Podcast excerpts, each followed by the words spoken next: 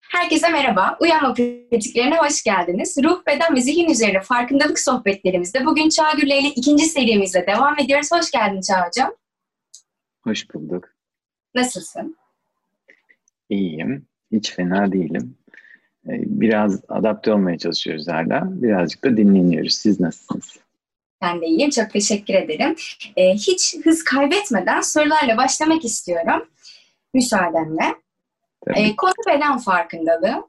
Son zamanlarda aslında çok da fazla gündemde olduğunu düşündüğüm ve bizim için de her daim e, gündemde olmaya devam eden bir konu aslında ve içeriğini düşündüğüm zaman da çok fazla anlamlı kılamıyoruz diye düşünüyorum. E, bu beden farkındalığı gerçekten nedir? Ve biz bunu günlük hayatın içerisine uyarlayabiliyor muyuz? Günlük hayatta bunun farkındalığına varabiliyor muyuz? Nasıl varıyoruz varamıyorsak? Ee, temelde beden farkındalığı nasıl bir içsel ve dışsal deneyim alanında bulunduğumuzu ve bundan nasıl ne şekilde etkilendiğimizi anlamamızı sağlayan beceri. Bu becerinin hayatın her evresinde içsel ve dışsal değişimlere hassasiyet geliştirmemiz için önemli olduğunu düşünüyorum. Yani kendimize ve çevreyle nasıl ilişkileneceğimizi e, anlamamızı kolaylaştırıyor. Ve yani sorun senin soru üzerinden düşünmeye çalışıyorum bir yandan. Yani bedensel olarak düşünelim mesela bir objeye kolunuzu uzatıp ulaşmanın ne kadar güç olduğunu veya ne tür beceriler gerektirdiğini duyumsamak vücudunuzda ee, veya bir objenin size ne kadar yakında durduğunu algılayabilmek veya nesnelerin arasında, nesnelerin yanında, nesnelerin üstünde, etrafında bulunmak fiziksel olarak. Hı hı. Ee, bu ve bunun yaşam hareket alanımızı nasıl etkilediğini düşünmek, anlamak.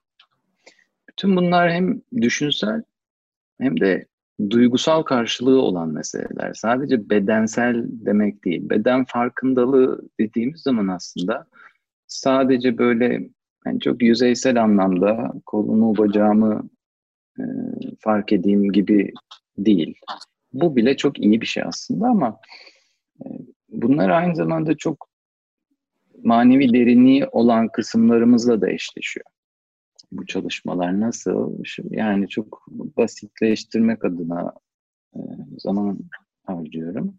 Yani insanın hem mental, entelektüel süreçlerine de hitap eden konular olması açısından ne söyleyebiliriz? Birinin yanında olmak mesela. Bir şeyin altında kalmak. Değil mi? Yani çok bir şeyi geride bırakmak. Evet. Yani bir, birini içeri almak, bir şeyi dışarı dökmek. Hı.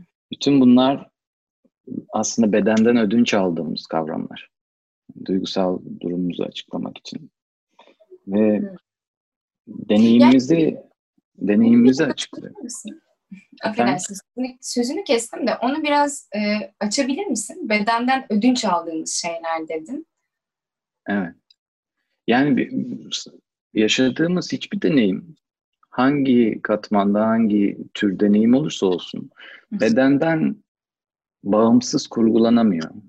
Yaşantılanamıyor. Çünkü temel e, varoluşsal enstrümanımız beden.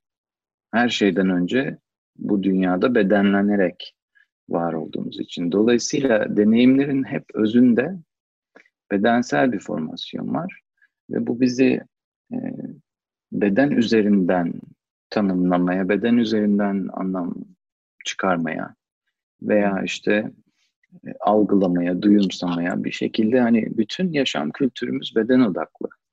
Sadece bugün değil yani biz evrimsel bir sürecin sonunda e, bugünleri deneyimliyoruz ama çok uzun zamandır dünyada beden deneyimi halindeyiz.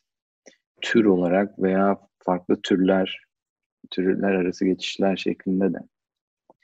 Yani e, bizim yaptığımız şey esasen beden farkındalığı çalışmalarıyla yani bir parçalara bölmek, mümkün olduğu kadar bedeni parçalara bölüp beden bütünlüğünü parçalar üzerinden araştırmaya çalışmak. Mesela bir çocuk düşünün. Çocuk gelişiminde bir çocuğa dirseğini hissettirebilmek için e, sadece dirsek dirseği hissettirmek yeterli olmaz. Ona bak buran dirsek demek yeterli olmaz değil mi?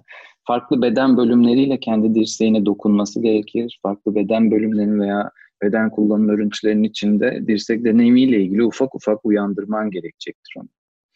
Onun gibi yani bilincine varmak için önce parçalara ayırman ve bu parçaları birbiriyle ilişkiye sokman gerekiyor. Veya nasıl bir ilişkisi olduğunu deneyimlemen gerekiyor. Ee, bu aynı zamanda bedensel olduğu kadar yani duygusal veya düşünsel olarak da öyle, hislerle de öyle. Ee, mümkün olduğu kadar tek tek incelemek, adını koymak, birbiriyle ilişkilendirmek, birbiriyle ilişkilerini gözlemlemek gerekiyor ki e, mümkün olduğu kadar bütünsel bir bakış açısı yakalayabilelim. Yani bu aslında e, kontrast bir şey değil mi? Bir bütünlüğü algılayabilmek için onu parçalara ayırmak ve onu detaylarla incelemek gerekiyor. Tabii bunlar e, şu açıdan da çok önemli. Yani aslında her bir deneyim bir anlamda da bir anı. Bedenin her bölümünün gün yaşantılara dair e, deneyimleri var. Bazı izler var yani deneyimlediğimiz her şeyin bedenimizde izleri var.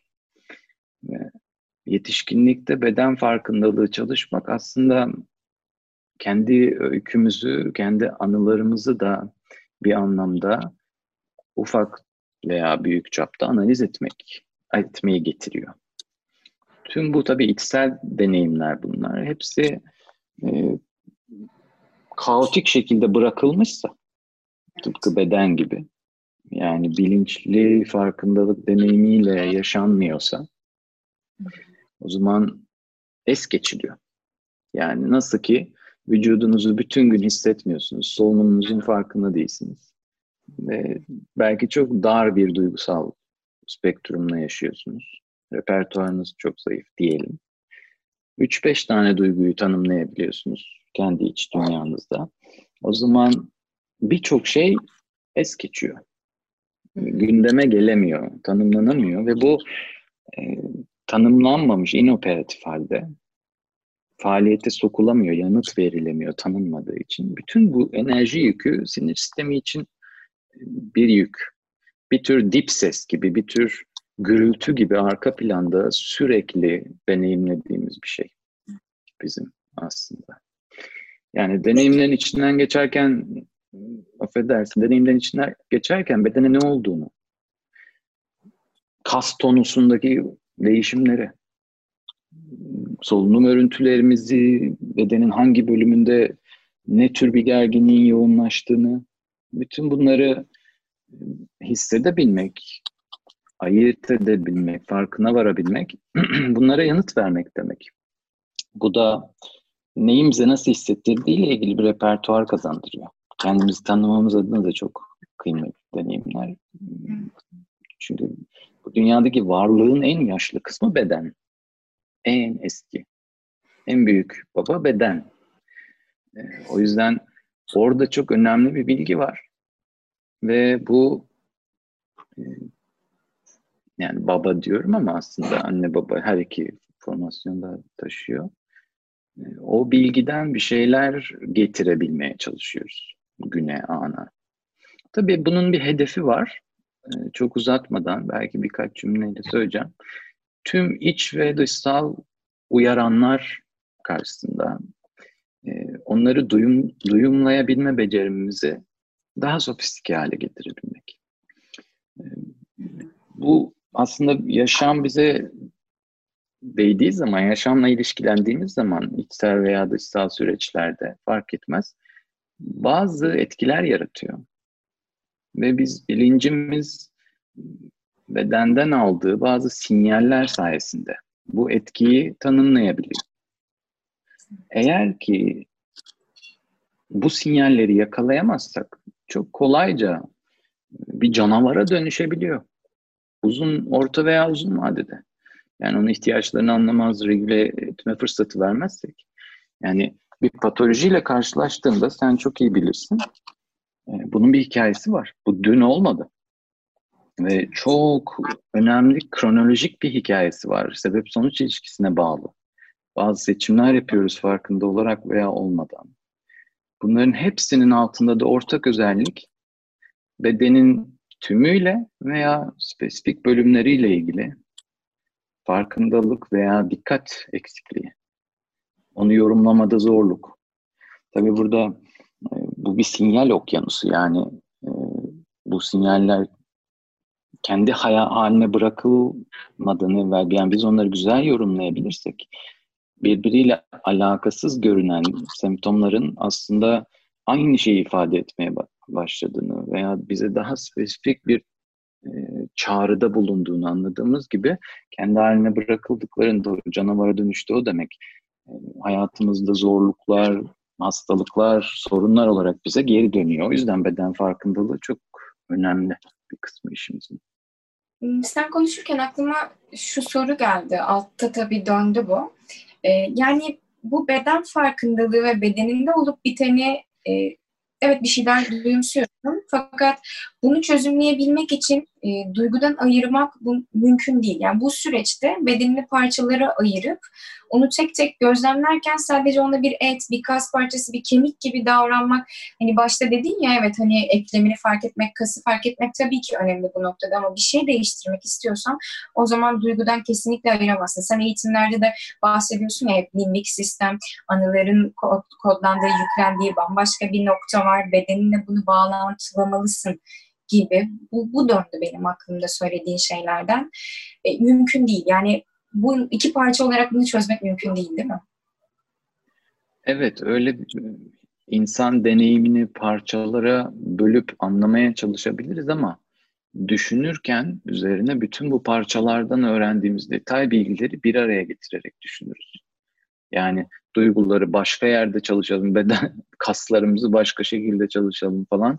O bizim yani hem yoga da benim hem de e, psikofiziksel diğer disiplinlerde bana çok ilham veren, beni eğiten diğer disiplinlerde çok uygun görünmeyen bir şey. İnsanın bir deneyimin 360 derecelik tüm yaşantısal alanlarına e, bakılması gerekiyor ki oradan sağlıklı bir çıkarım evet. sağlarız böylece. Kişinin tabii bence bu noktada cesur olması gerekiyor. Çünkü bazen bir adım atıp sonra güle güle deyip bu bana uymadı deyip geri dönülebiliyor. Ee, evet öyle. Bir de şöyle şöyle bir soruyla devam etmek istiyorum. Yine bununla bağlantılı olacak tabii ki bedenden kopmadan. Yoga pratiğinde sen şöyle dersin. Yoga pratiğinde ilerlemek bazen bedensel olarak gerilemek olabiliyor. Yani bir şeyi çok çok iyi yapar hale gelebilirsin ama bedensel olarak ilerlediğin anlamında bu gelmiyor diyorsun. Peki burada nasıl bir gerilemeden bahsediyoruz? Ş- şöyle yani ileri gitmek biraz da tabii ileri seviyenin tanımı falan bunlar da popüler konulardı birkaç sene önce. Bunları da konuşmak güzel olurdu ama ileri gitmek gibi bir bağımlılık da var. Bir yandan onu cepte de tutabilmeliyiz konuşurken. Ee, sürekli yani bulunduğun yerde durmamak bir tür ilerleme bağımlılığına dönüşüyorsa bu zaten hayatın başka alanlarında da vardır. Sadece yogaya özgü değil. O yüzden yoganın içinde çok konuşulmasına gerek yok. Ama yogada ileri seviye nedir?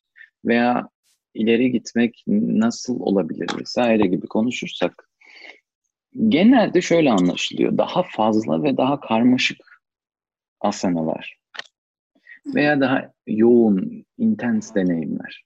İşte meditasyonda veya işte farklı bir şeyler, çalışmalarda. Ee, olabilir mi? Olabilir. Neden? Çünkü vücudunuzu daha komplike kullanmaya başlıyorsunuz. Ee, daha zorluk seviyesi yüksek oluyor.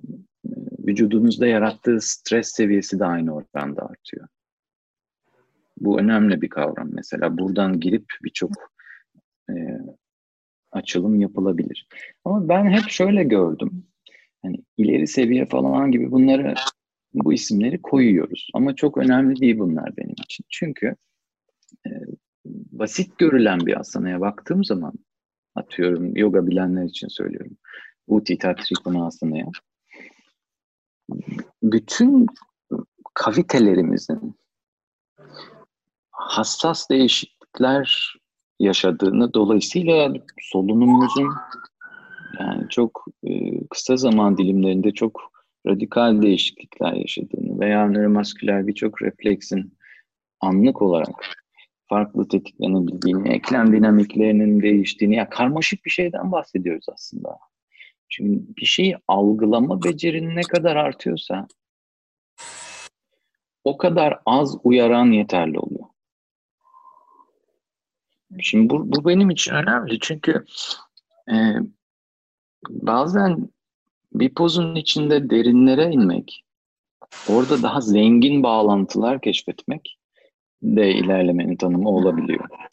Çünkü böyle lineer bir algı var. Sanki ilerlemek hep tek yönlü bir şeymiş gibi.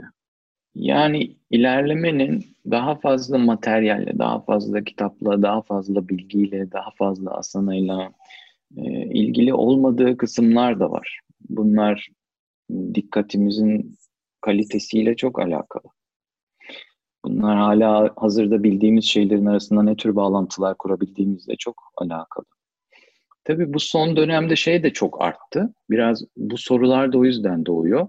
Ee, aşırı miktarda böyle karmaşık asanalar yapabilmek veya işte ne bileyim daha akrobatik takılmak, daha zor şeyleri kanırtmak falan. Bu benim çok karşı durduğum veya küçük gördüğüm bir şey değil. Bakış açım şöyle, ben bunu aslında yani çocukluk, çocuk gelişim süreçleriyle falan birlikte düşündüğüm zaman bana çok anlamlı geliyor. Çünkü bu aslında hissetme açlığımızın dışa vurumu bir tür. Aslında bu gelişimsel yani duyu motor becerilerimizin gelişimi sırasında e, eksik kalan kısımları tamamlama ihtiyacımız. Bir anlamda regresif bir şey bu. Yani e, postürümüzün içinde daha zengin ve derinlemesine bağlantılar e, kurmak herkese çekici gelmeyebiliyor. Çekici gelen şey gelişimin eksik veya işte hasarlı fazlarındaki kısımları tamamlamak da olabiliyor ve hepimizde var bu tür kısımlar. Yani bir tür proprioseptif veya vestibüler açlık gibi düşün onu. Ve her insanda bu ihtiyaç farklı. Yani zamanla yatışa da bilir. Bilmiyoruz. Veya hayat boyu böyle de gidebilir. Ve onun yaşam tarzı bu. Yani yeterince doyurulmamışsa bu. O zaman kışkırtılmış şekilde geri de dönebiliyor. Bununla ilgili uyanık olmak adına söylüyorum. Yani kimseyi evet. yargılamak için değil. Aşırı bir talep varsa, eğer kendimizi dengeleyemiyorsak sürekli kendimizi hırpalıyor ve daha fazla, daha değişik falan böyle bir istek oluşuyorsa ve bu bedensel olarak belirli bir stres yaratıyor. Bunun farkında olmak lazım. Nereden geliyor? Ne tür bir ihtiyaç falan. Geri besleme evet. döngüsü bu. Bir şeyler evet. yapıp tekrar dönüp bakacaksın. Bir şeyler yapıp dönüp bakacaksın. Evet ben dediğin gibi Evet dediğin gibi stres konusu bambaşka kapılar, konular da açabilir bize. İnşallah bir sonraki e, buluşmalarımızda, sohbet serisinde bunu konuşuruz. Benim de çok ilgimi çeken, birçok insandan da duyduğum bir konu aslında bu. Bir diğer soru olarak şöyle devam edeyim. Anda kalabilmek. Bazen şöyle şeylerle karşılaşıyoruz. Canı sıkılıyor biliyorum kafam başka bir yere gitti ama anda kalabilirsin. Şu an derin bir nefes al ve de ki andayım, akıştayım, şu bardağı tutuyorum, suyu içiyorum, hisset suyu. Bunlar çok güzel şeyler evet. Söylenmesi çok kolay fakat bunu hayata uyarlamak hiç kolay değil. Yoga pratiğimin içerisinde genelde duyduğum ve kendimde de olmasını istediğim şeylerden bir tanesi bir asanın içindeyken ya da e, uzmanlaşma programındaki birçok kişide de e, duyduğum, gözlemlediğim şeylerden biri. Asanın içinde kal, o belki hani o yoğunlukla kal diyorsun ya o biraz ana getirebilir fakat o duygu durum, anılar, hislerin çok yoğun geldiğinde onun içinden de çıkmak istiyoruz. Peki bu durumda ne tavsiye edersin? Nasıl bir yol izlemeliyiz? Bu da mesela e, çok değişken yani. Herkesin deneyimi bir değil. Çok genellemek soruları tabii ki işimizi çok kolaylaştırıyor. Çünkü ben bildiğim her şeyi bu vakte sığdıramam her şeyin her kısmını bilmiyorum falan. Bu buradan güzel bir sohbet çıkarabilmemiz için benim bu genellemeyi bir şekilde dönüştürmem gerekiyor. o da şöyle. Mesela e, yani nasıl bir çocuk doğduğunda e, bir anne deneyimi yaşamakla ilgili hazır doğuyor. Çünkü neden? Var olmuş herkesin bir annesi vardı, bir anneden doğdu. Yani doğmak kavramı zaten anne ile ilişki repertuarında uyandıran bir şey. Bu anne ile ilişkiye dair refle, refleksif bir repertuar bu. Belki bilinçli değil. Hı hı. Ama aynı böyle bunun gibi her çocuk aynı zamanda yaşamla keyifli ve merak dolu böyle keşifsel bir oyun gibi ilişkilenme repertuarına da sahip. Değil mi? Biliyoruz bunu yani. Hı hı. O 0-5 yaş, 6 yaş arasında sıkça gördüğümüz bir durum. Bu da bir miras. Çocukluk arketipinin içinde. Ee, ve bir zaman sonra yani ne oluyor oradaki meditasyona oturan kişi niye böyle bir deneyim yaşıyor ya? Birazcık belki farklı bir esans getirmek için. Ne oluyor bir zaman sonra da böyle yeni bir deneyimin içinde bize aşırı bunaltıcı veya kendimizden kaçmak veya deneyimlediğimizin içinde tam olarak var olamamak gibi sorunlar getirmeye başlıyor. Biraz şeyle ilgili olduğunu düşünüyorum. Son zamanlarda düşüneceğim bu. Ee, yaş ilerleyince ilginç bir kavram geliyor. Sorumluluk diye. Fakat hani bu bir yetişkin sorumluluğu gibi düşünme söylediğim şeyi. Yapılması gerekenler ve doğrular. Yani biz e, doğal kavramı yerine doğru diye bir yere gitmeye başlıyoruz. İşte çocukluğunu düşün yani. istediğim yere kaka yapabilirim. Hayır, kakayı tuvalete yapabilirsin gibi. Veya işte şu saatte şu yenir, şu saatte uyunur veya şu saatte okula gidilir falan çocuk kafasına sen her şeyi yapamadığında değil mi?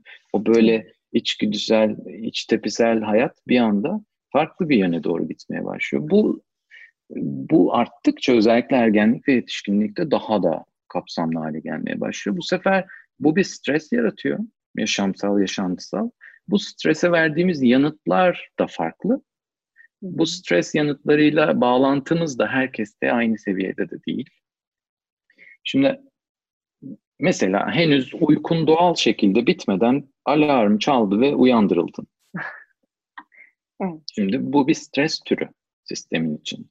Günlük stresleri anlatıyorum yani abartılı çok travmatik hı hı. deneyimleri değil. İşlerin teslim tarihleri var, deadline'lar. Düşün yani bitirmen gerekiyor. Ya da doldurulması gereken kotaların var, satış komisyonların var bir şekilde hayatta kalmaya çalışıyorsun. Ya da mesleki bir rekabet alanındasın falan. Ee, bizi sürekli seçtiğimiz yaşam, yaşamın artan talepleriyle baş edebilmek için belirli stres aşamalarına doğru iten bir hayat. E bu durup kendimizi algılamayla ilgili gecikmiş, ertelenmiş çok fazla yan bırakıyor geride. Çünkü dedim ya hep ileriye git, gitmeye çalışıyor sistem. Ee, tabii bir yandan da bu kontrast bir yön yaratıyor. Hayattan tamamen geri çekilmeye çalışan bir tarafımız da uyanmış oluyor. Biri bizi bu kadar ileri gitmeye zorladığında. Hı hı. Ve bu ikisi arasında önemli bir çatışma alanı doğmuş oluyor. Bu, bu alana neler sızıyor, neler girmeye başlıyor. İşte meditasyona oturduğunda karşılaştığın şeyler. Yani bu senin iki yanın arasında ki diyaloğun sesi, oradaki dışa vurumlar. Tabii durup kendimizi deneyimlemediğimiz zaman e, bu yaşantı artan şekilde yıkıcı etkisi arttığı zaman bunu bir noktada beden tolere edememeye başlıyor. Çünkü bedeni biraz böyle kullanma konusunda maalesef eğitildik çoğumuz. Çoğumuz beden eğitimi veya buna benzer bir tanımla karşılaştığında bazı kültür, fizik, sportif hareketler diye bilir değil mi? Bunu aslında çocuklukta bize bedenle ilgili duyusal çalışmalar veya içsel farkındalık çalışmaları, farklı bedensel zihin beden çalışmaları öğretilirse tabii ki algımız da o yönde değişiyor. Dolayısıyla ergenliğe, yetişkinliğe geçiş süreçlerimizdeki değil mi yaşantılarımız değişiyor. Evet. Ee, hani bugün toplumda sorunsa mesela bedensel sorunlar çok önemli bir kısmı bu. Ama meditasyonda da bu çok fazla hareketli bir zihin falan. E işte ne kadar süredir devam ettiğini evet. gösteriyor. Evet, e, kurduğum bağlantı gerçekten çok iyiydi. E, Birçok şey de böyle kafamda ampullerini yakmış oldu. Bakış açın çocukluktan bu yana ve sorumluluk artınca yetişkinlik, özellikle yetişkinlik zamanında kendimde de deneyimlediğim e, bir sürü şey taşıyoruz ve o bana, anı taşıyabilmek. Bana tabii Luna'dan sonra çok daha fazla böyle düşünmeye başladım kızımdan sonra. Yani işte hayatın yani o beni baba rolüne soktuğundan itibaren e, tabii ve ben onda çocuk kendi çocukluğumu daha fazla çağırmaya başladığım zaman e, gördüğü bütün aksaklıklar, bütün problemler, kendi çocukluğumla ilgili onun yaşadığı sorunlar veya etrafımızdaki diğer insanlar. O zaman daha fazla düşünmeye başladım. Tabii ki profesyonel olarak çocuk gelişimiyle ilgilenen biri için bunlar hani her günlük bilgiler. Zaten biliyor.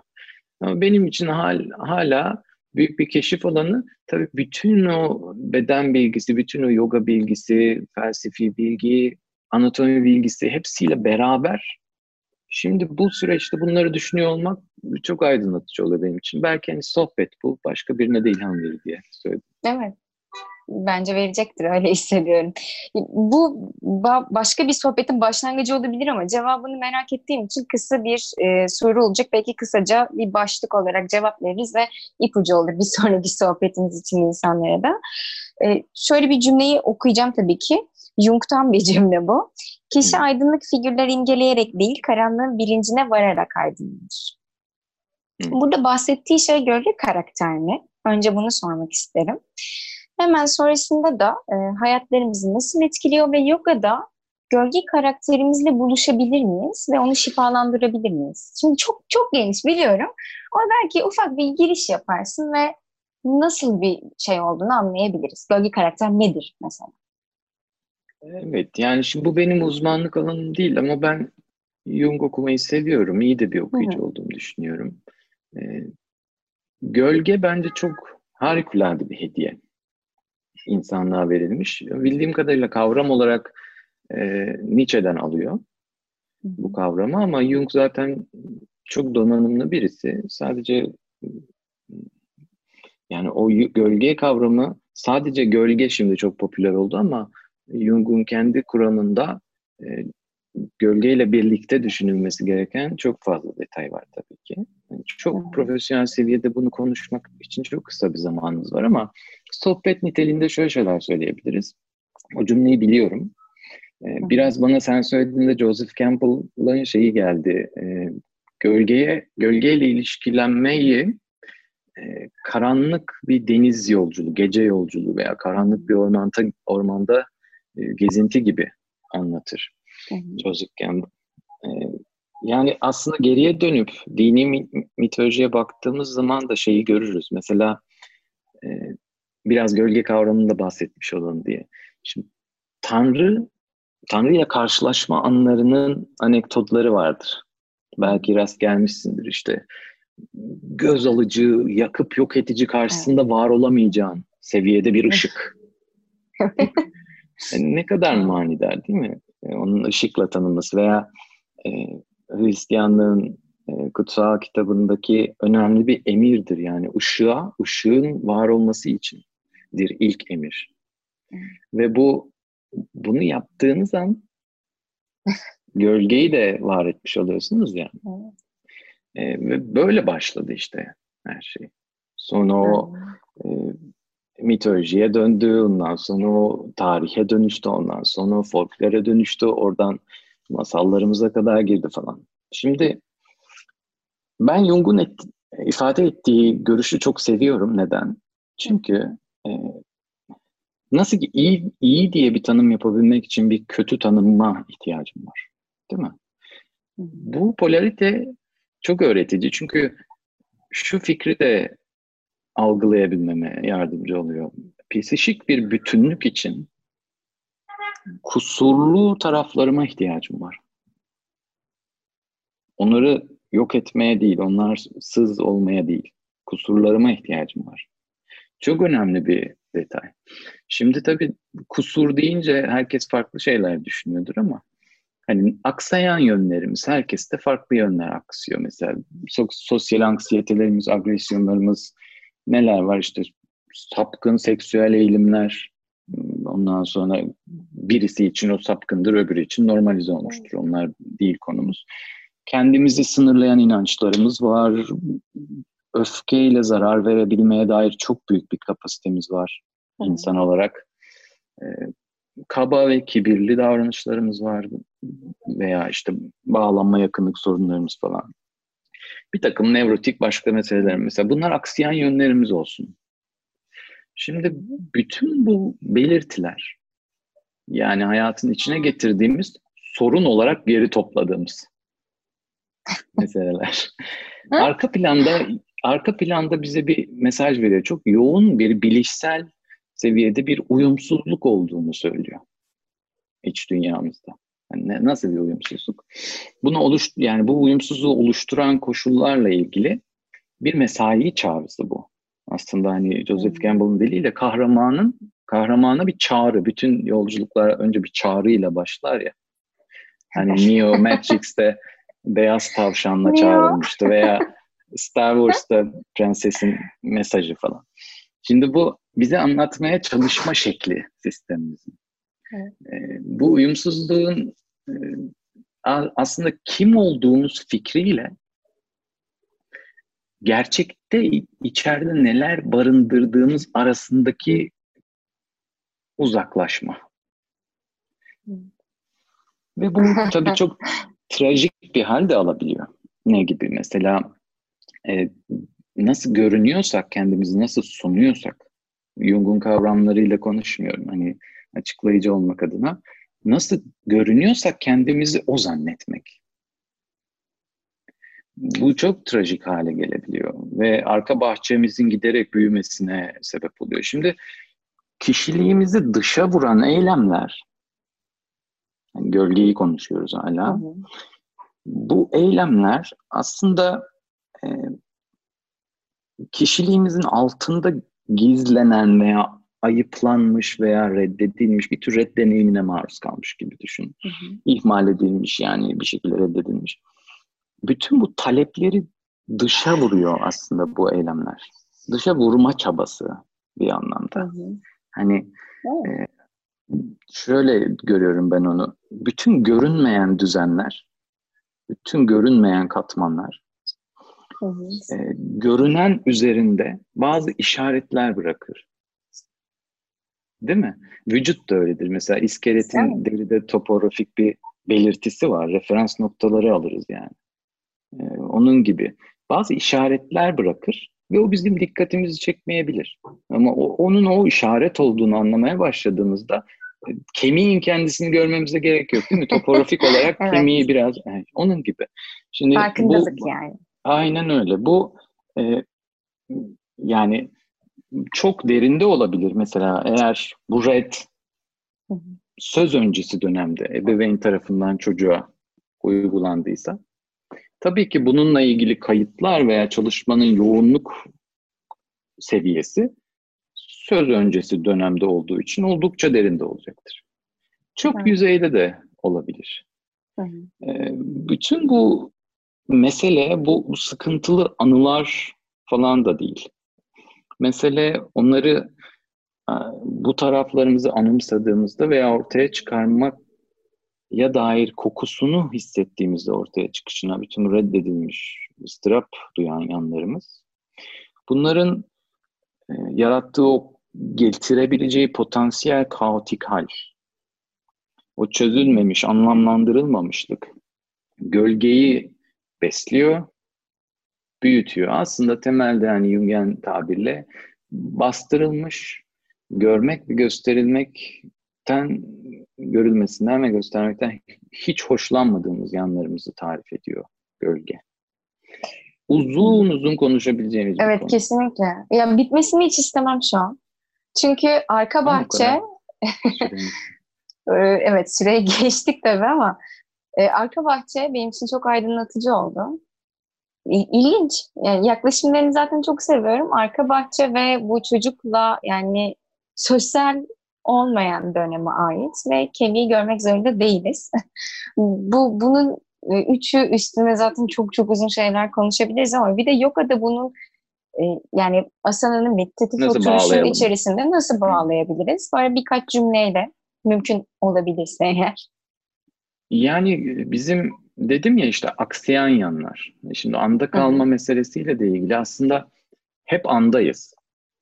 Ee, an, anın dışına çıkmak mümkün değil. Biz geçmişi düşünürken de andan kopmuş olmuyoruz. Değil Hı. mi? Geçmişi düşündüğümüzü fark ettiğimiz zaman Hı. buradayız. Hala oldukça andayız. Ee, fark etmediğimiz zamansa anın içindeki var olma şeklimiz değişiyor. Aslında bütün olay dikkatle, farkındalıkla, kapsayıcı bir bakışla ilgili olduğunu düşünüyorum. Yani anı daha doyurucu kılan yaşamsal açıdan.